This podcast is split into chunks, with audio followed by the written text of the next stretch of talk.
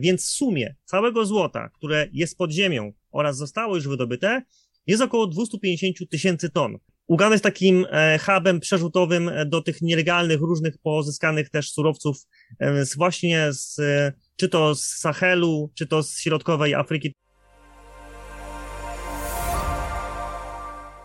W minionym tygodniu media obiegła informacja, że Uganda odkryła gigantyczne złoża złota. O to, jak może to wpłynąć na cenę tego surowca, zapytałam Tomka Rutkowskiego, który na co dzień śledzi rynek surowców i metali szlachetnych. Witam Cię Tomku bardzo serdecznie. Cieszę się, że znalazłeś mimo upałów, mimo skwaru chwilę czasu, żeby skomentować te ostatnie doniesienia odnośnie złota w Ugandzie, które myślę rozpalają ponownie wyobraźnię inwestorów, bo co jakiś czas docierają do nas takie wiadomości, że albo pozyskamy złoto z asteroid, z kosmosu i cena drastycznie spadnie. Teraz mamy Ugandę i właściwie po to się tu spotykamy, żeby podać trochę więcej faktów i żeby albo wzmocnić wyobraźnię, albo ostudzić wyobraźnię widzów. Uganda ogłosiła, że znalazła złoża złota opiewające na 320 tysięcy ton surowca. Może zanim przejdziemy do tej kosmicznej informacji, myślę, że warto powiedzieć co nieco o samym państwie. Gdzie leży i jak wygląda jego gospodarka? No, Uganda leży w samym środku Afryki, e, na równiku e, i tuż przy graniczy w zasadzie z Kongo, to jest taki klimat tam właśnie podrównikowy, e, więc to jest kraj, który no, jest jednym z większych eksporterów i producentów kawy generalnie. Czy można zrobić tutaj taki nawias, ponieważ dopiero co się z tej Światowej Rady Kawy wypisała, ale to też wybiega, znaczy Mm, powoduje, znaczy z, z innych powodów z, zupełnie. Natomiast jest tym producentem, jednym z większych e, kawy. Co jeszcze? Uganda była takim czołowym, można powiedzieć, światowym producentem miedzi, e, berylu była. Co tam jeszcze jest?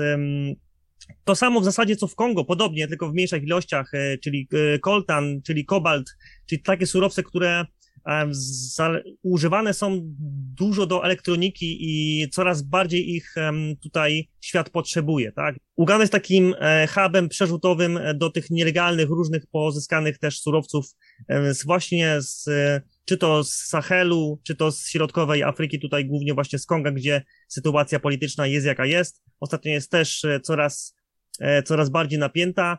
E, no więc te, te, tyle jeśli w zasadzie chodzi o, mm, o Ugandę, także leży w środkowej Afryce, jest ciepło, jest fajnie, niby. A jak to faktycznie może wyglądać z tym złotem? Czy to jest de facto wiarygodne, żeby Uganda posiadała tak wielkie złoża tego surowca?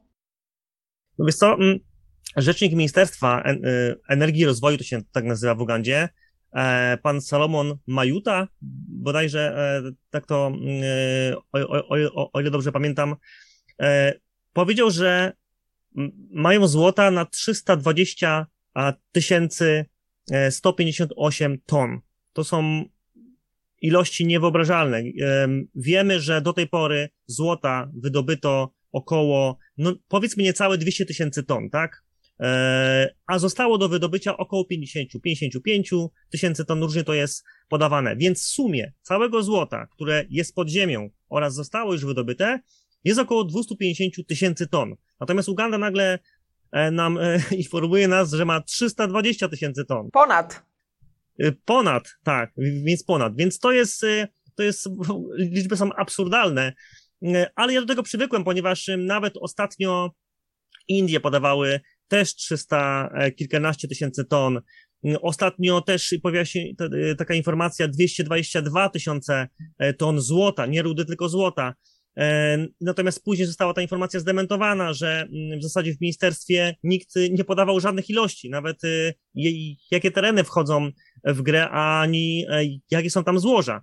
Więc to, to są takie informacje szybko dementowane. Tutaj w Ugandzie mamy taki problem, że poszła informacja oficjalna, i nikt tego nie dementuje. Nawet y, Światowa Rada Złota, która um, zazwyczaj potwierdza lub nie takie fakty, tutaj trudno im cokolwiek potwierdzić, ponieważ nie mają nawet y, danych. Nie mają, nie mają um, informacji typu sposób pomiarów, miejsca pomiarów, nie mają nic kompletnie, więc y, nie mogą nic w tej sprawie w zasadzie powiedzieć. I pierwsze, co mi przychodzi na myśl, to po prostu błąd a w, w skalach, e, w, w, w liczbach, mówię o tonach na przykład, może im chodzi o uncje, bo jeśli na przykład mówimy o uncjach, e, to 320 tysięcy uncji to jest 10 ton, niecałe 10 ton, 9,9 tony złota, tak? Wtedy Czyli generalnie.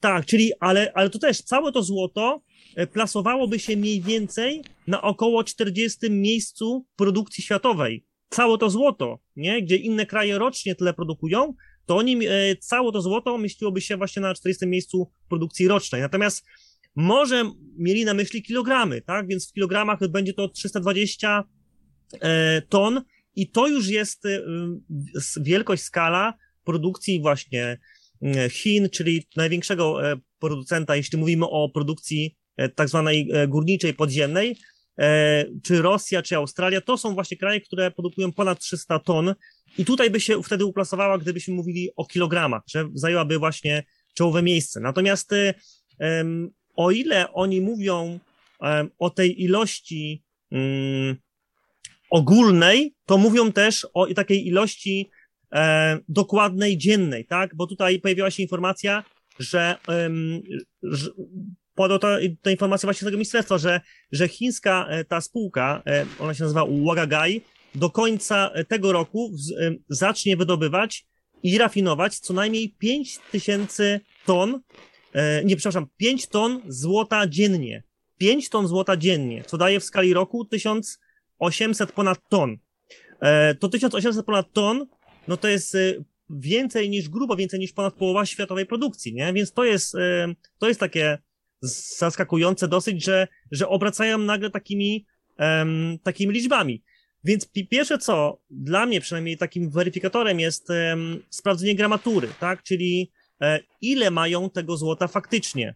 E, a można to sobie obliczyć tak, że bierze się tą rudę, którą podali, a oni podali tą rudę, ona wynosi 31 milionów ton rudy i z tego pozyskuje się już złoto, tak? No i teraz ten weryfikator polega na tym, że przeciętne kopalnie produkują z jednej tony między 1 a 4 e, gramy e, złota na każdą tonę, jeśli mówimy o takich odkrywkowych, standardowych e, kopalniach, natomiast te głębinowe, te podziemne mają między 4 a 10. Oczywiście są takie wyjątki, jak na przykład 22 gram na, na tonę, niektóre mają kopalnie, tam chyba um, Fire Creek w, w Stanach, w Nevadzie, z tego co pamiętam, kiedyś znaleźli taką żyłę, taką żyłę złota, gdzie w takim dosyć na niedużym terenie e, było skupisko 44 gram na tonę, tak? Więc, więc to są takie, ale to są, to, to są ilości rekordowe. Więc przyjmijmy, że średnio jest między 1 gram a 10 gram na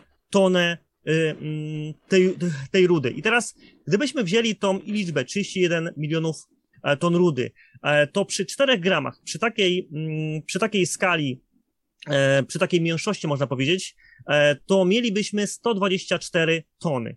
124 tony, czyli mniej więcej pierwsza dziesiątka produkcji światowej, ale to mówimy o całym złocie już. Gdyby ich, ich te skupi skupienie tego złota w każdej tonie wyniosło 10 gram, czyli bardzo dużo, to mielibyśmy do czynienia z 310 tonami złota. 310 ton E, no, czyli tyle, ile mówiłem właśnie, wynosi mniej więcej produkcja Chin, czy Australii, czy, czy, mhm. czy Rosji, czy, czyli byłaby czołówka. Natomiast cały czas mówimy to o, o tej całej ilości złota, cała. To jest cała, gdzie te kraje produkują tyle e, rocznie, nie? No więc to jest, e, to jest taka skala. I trzecia rzecz, to najszybciej można zweryfikować te informacje, które podają, dzieląc, czyli rudę złota, dzieląc na te tony złota, które oni już obliczyli, że pozyskają. Czyli podają 31 milionów ton rudy i podają ponad 320 tysięcy e, ton złota. Jeśli to przeliczymy, to wychodzi nam szybko, że ich, um, ich złoża, te ich rudy, właśnie te złota, zawierają nie 4 gramy, nie 10 gram, nie 100 gram, ale 10 kilo złota na tonę. Ogrom, niemożliwe. To jest, no, no tak, no, no to jest niemożliwe, nie? No więc od razu można zweryfikować e, te dane, które o, o, oni e, podają, że to po prostu, że to są bajki. Ale teraz pytanie, co za tym idzie dalej, nie? Bo, bo tego nie wiemy. Na razie poszła swoja informacja, natomiast pytanie, jakie będą kolejne kroki przez nich wykonywane. Jeśli nie oglądasz mnie na YouTube i wolisz słuchać wszystkiego w formie podcastu, zapraszam Cię na Spotify, Google Podcasts i Apple Podcasts. Tam znajdziesz cały content w formie audio.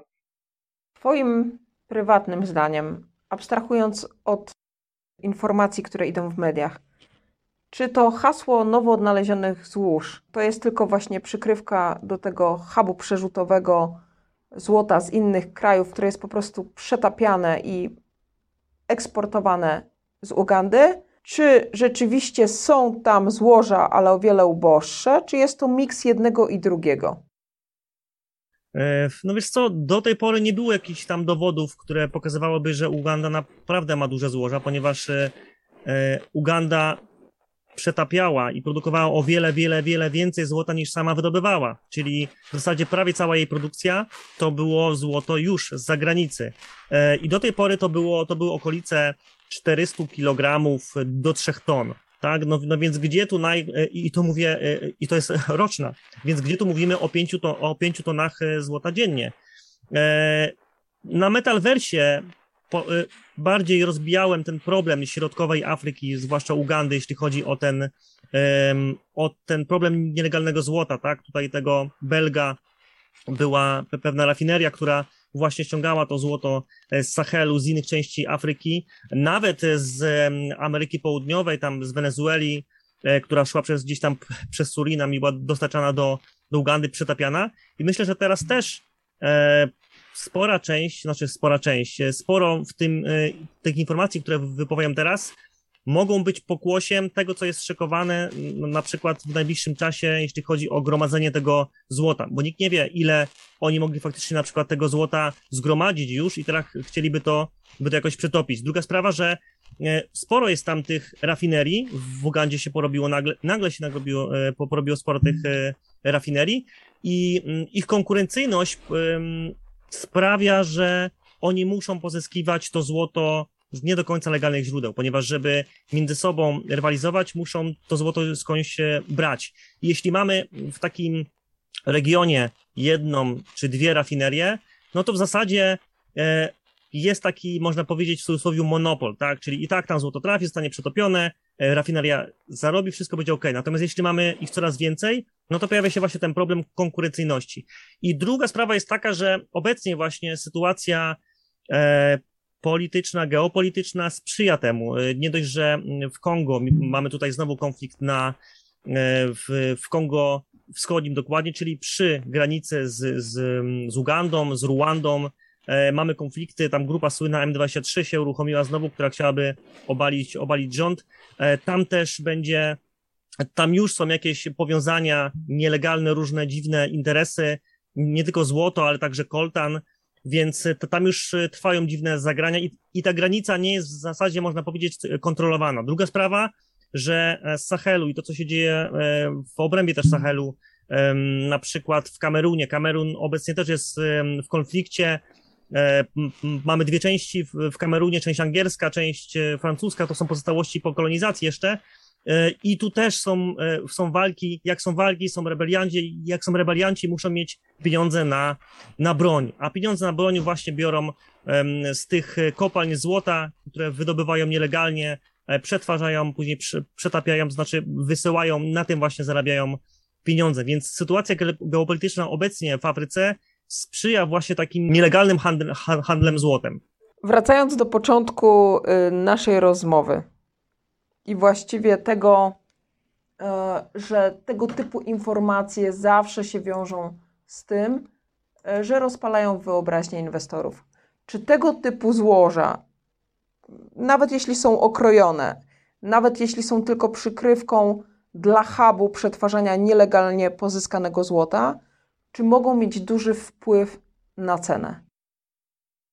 E, no tak, zawsze będzie miał to wpływ na cenę, jeśli no tutaj akurat ilości są absurdalne, tak? No więc jeśli mówimy o takich ilościach, no to to jest nigdy, świat nigdy nie miał z takim chyba czymś do czynienia, z, z, z taką ilością nagle podaną, e, gdzie jeden kraj, w jednym kraju, w jednym miejscu mamy więcej złota niż zostało w całej historii wydobyte oraz tyle, ile siedzi jeszcze pod ziemią, tak? No więc tu jest, mamy tu absurdy i to chyba potwierdza obecna cena złota, która można powiedzieć, że na te, na te ceny nie zareagowała, więc obecnie cena złota jest pokłosiem e, gdzieś tam sytuacji w gospodarce, inflacją, nie wie za bardzo, w którą stronę pójść, bo nie wiadomo, jak to się dalej potoczy sytuacja ekonomiczna. Natomiast te, e, te złoża, które są w Ugandzie, myślę, że nie zostały przyjęte i um, nie widzimy ich na obecnej cenie złota. Jaka Twoim zdaniem na dzień dzisiejszy jest cena za uncję złota fizycznego? Czy Twoim zdaniem jest niedowartościowany ten surowiec, czy przewartościowany? Bo dużo osób pisze do mnie w prywatnych wiadomościach i wręcz śmieje się, że na przestrzeni tego, co mamy w gospodarce i tego, co mamy w geopolityce, złoto niewiele pokazało do tej pory. Jak ty uważasz, czym to jest spowodowane? Wiesz co, no myślę, myślę podobnie jak ty, natomiast ja, e, szczerze mówiąc, spodziewałem się odbicia tej ceny w momencie, gdy kapitał odpłynie z rynku krypto. I teraz można powiedzieć, że ten kapitał odpłynął, bo, bo mieliśmy spory zjazd na krypto i myślałem, że te, właśnie ten kapitał przejdzie do, do złota jako obrona przed, przed inflacją. No, niestety tak się nie stało, więc i obecnie cena znajduje się w takiej, w takiej granicy, że trudno powiedzieć, czy jest, niedowarto, czy jest niedowartościowane, czy jest przewartościowane. Myślę, że złoto jeszcze pokaże, na co je stać w momencie, gdy naprawdę te waluty będą tak mało warte, że coraz więcej ludzi e, po prostu przeniesie już e, ze sporą stratą swój kapitał do, do tego złota. Czyli czekamy na dalszą dewaluację walut fiducjarnych, które prędzej czy później nastąpi przy tych uwarunkowaniach, które mamy, i wtedy być może zobaczymy wreszcie rajd na złocie, a potem być może i srebrze. Na to liczę. Myślę, że nie tylko ty, Tomku. Tomku, czy udało Ci się dotrzeć do jakichś informacji, które wprost wskazywałyby, jaka korporacja, jaka firma będzie odpowiedzialna za wydobycie tych dodatkowych ton złoża, eksploracji tych złóż? I drugie pytanie, jakie od razu nasuwa mi się na myśl, to gdzie trafi wydobyty surowiec, na jakie rynki? To, co wiemy na e, dzień dzisiejszy, e, to, że, że chińskie Wagagai będzie za to odpowiedzialne, ten projekt cały E, który jest wart 200 milionów dolarów, e, będzie, mm, będzie zlokalizowany w Ugandzie i będzie, co, co najważniejsze, bo to powiedział e, pan Derek Rukare, taki rzecznik, te, można powiedzieć, tej, tej spółki wydobywczej, powiedział, że Uganda dzięki temu projektowi będzie eksportować 25 ton rafinowanego złota rocznie. Czyli tu już mamy sprzeczną informację, 25 e, ton, a nie, e, a nie 1000, e, tam bodajże 800 chyba ton, żeśmy to przeliczali, no to daje około, szybko licząc, czy niecałe 70 kg złota dziennie, tak? 70 kg złota dziennie, niecałe, a nie 5 ton złota dziennie. Więc tu mamy, tu mamy dosyć taki dysonans, który no, powoduje, że nie będzie Uganda jednym z największych producentów na świecie, tylko będzie zajmowała gdzieś tam miejsce, e, można powiedzieć, gdzie, gdzieś za Dominikaną, gdzieś tam pierwsza trzydziestka, można powiedzieć. I to jest 68 kg dziennie, a nie, a nie 5 ton. I to powiedział właśnie sam rzecznik tej spółki wydobywczej. Czyli jak zwykle mamy rozdźwięk informacyjny.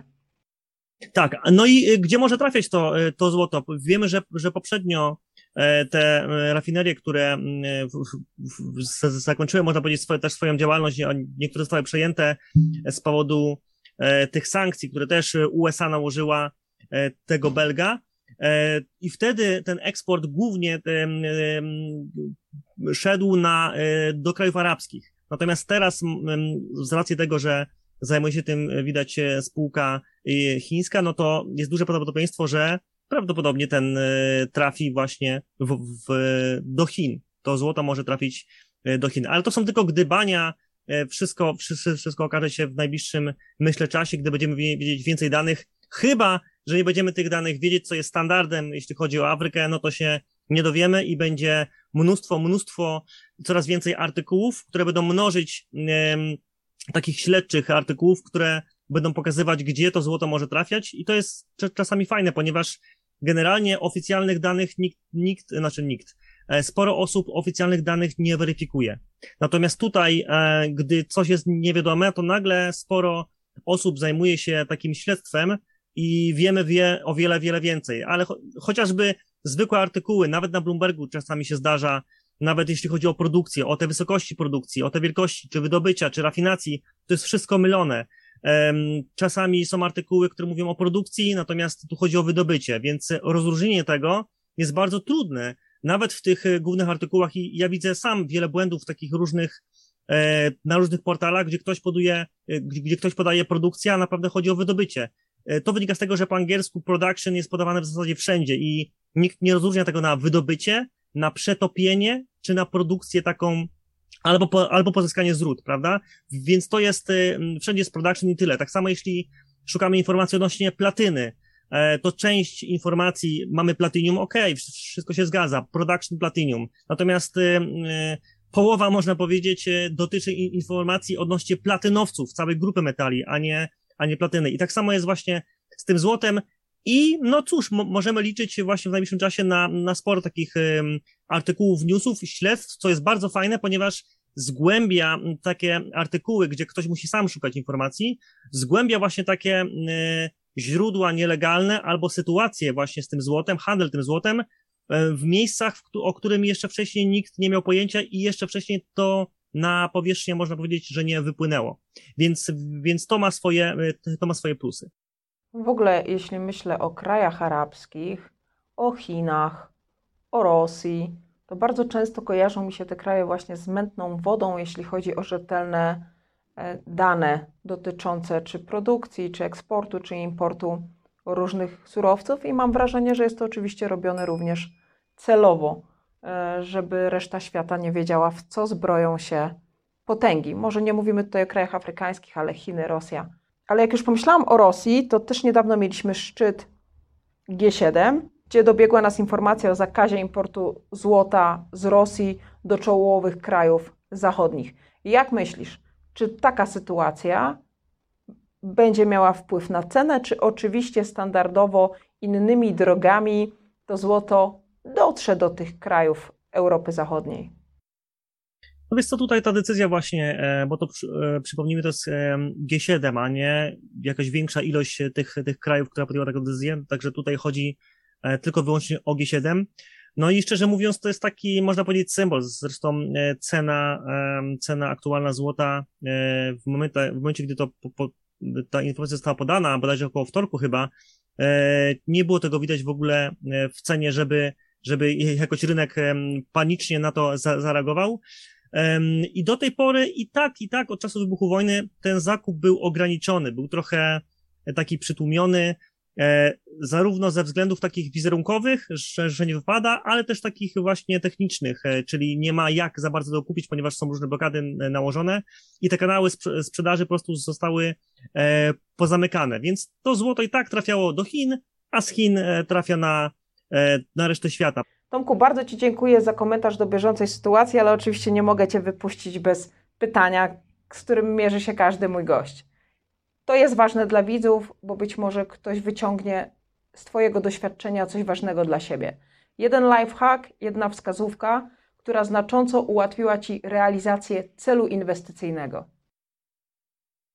No taki największy lifehack to jest e, po prostu bycie na bieżąco e, z aktualną pogodą, tak? Ponieważ e, jeśli chodzi o inwestowanie w moim przypadku, a co są to surowce, to wszystkie takie zdarzenia typu um, cyklony, huragany, um, mrozy, to, to wszystko wpływa właśnie na, na plony, na wydobycie, na te surowce właśnie wpływa i takie właśnie, i takie właśnie informacji szukam, ja obserwuję, więc, więc bycie na bieżąco z pogodą na pewno pomaga w inwestowaniu w surowce. Rozumiem, że szukasz tych informacji, zanim one dotrą do mainstreamu. No tak, tutaj też y, trzeba mieć dostęp do, znaczy dostęp, trzeba wiedzieć, gdzie e, szukać takich informacji, co się, co się szykuje, tak? Czyli mamy na coś sezon, albo mamy prawdopodobieństwo wystąpienia suszy, czy podtopień w danym regionie, więc w zależności od pór roku patrzymy na inne regiony świata i patrzymy na inne dane meteorologiczne, które na przykład mogą nam powiedzieć, że coś niedługo może się w danym regionie stać i może to wpłynąć na ten i na ten surowiec w taki lub inny sposób. Po prostu. Bycie obecnym i bycie uważnym. Jedna z najważniejszych rzeczy czy cech w ogóle w inwestowaniu w każde aktywo. Dziękuję Ci jeszcze raz za dzisiaj i do usłyszenia, myślę, następnym razem. Cześć. Dzięki również, do usłyszenia.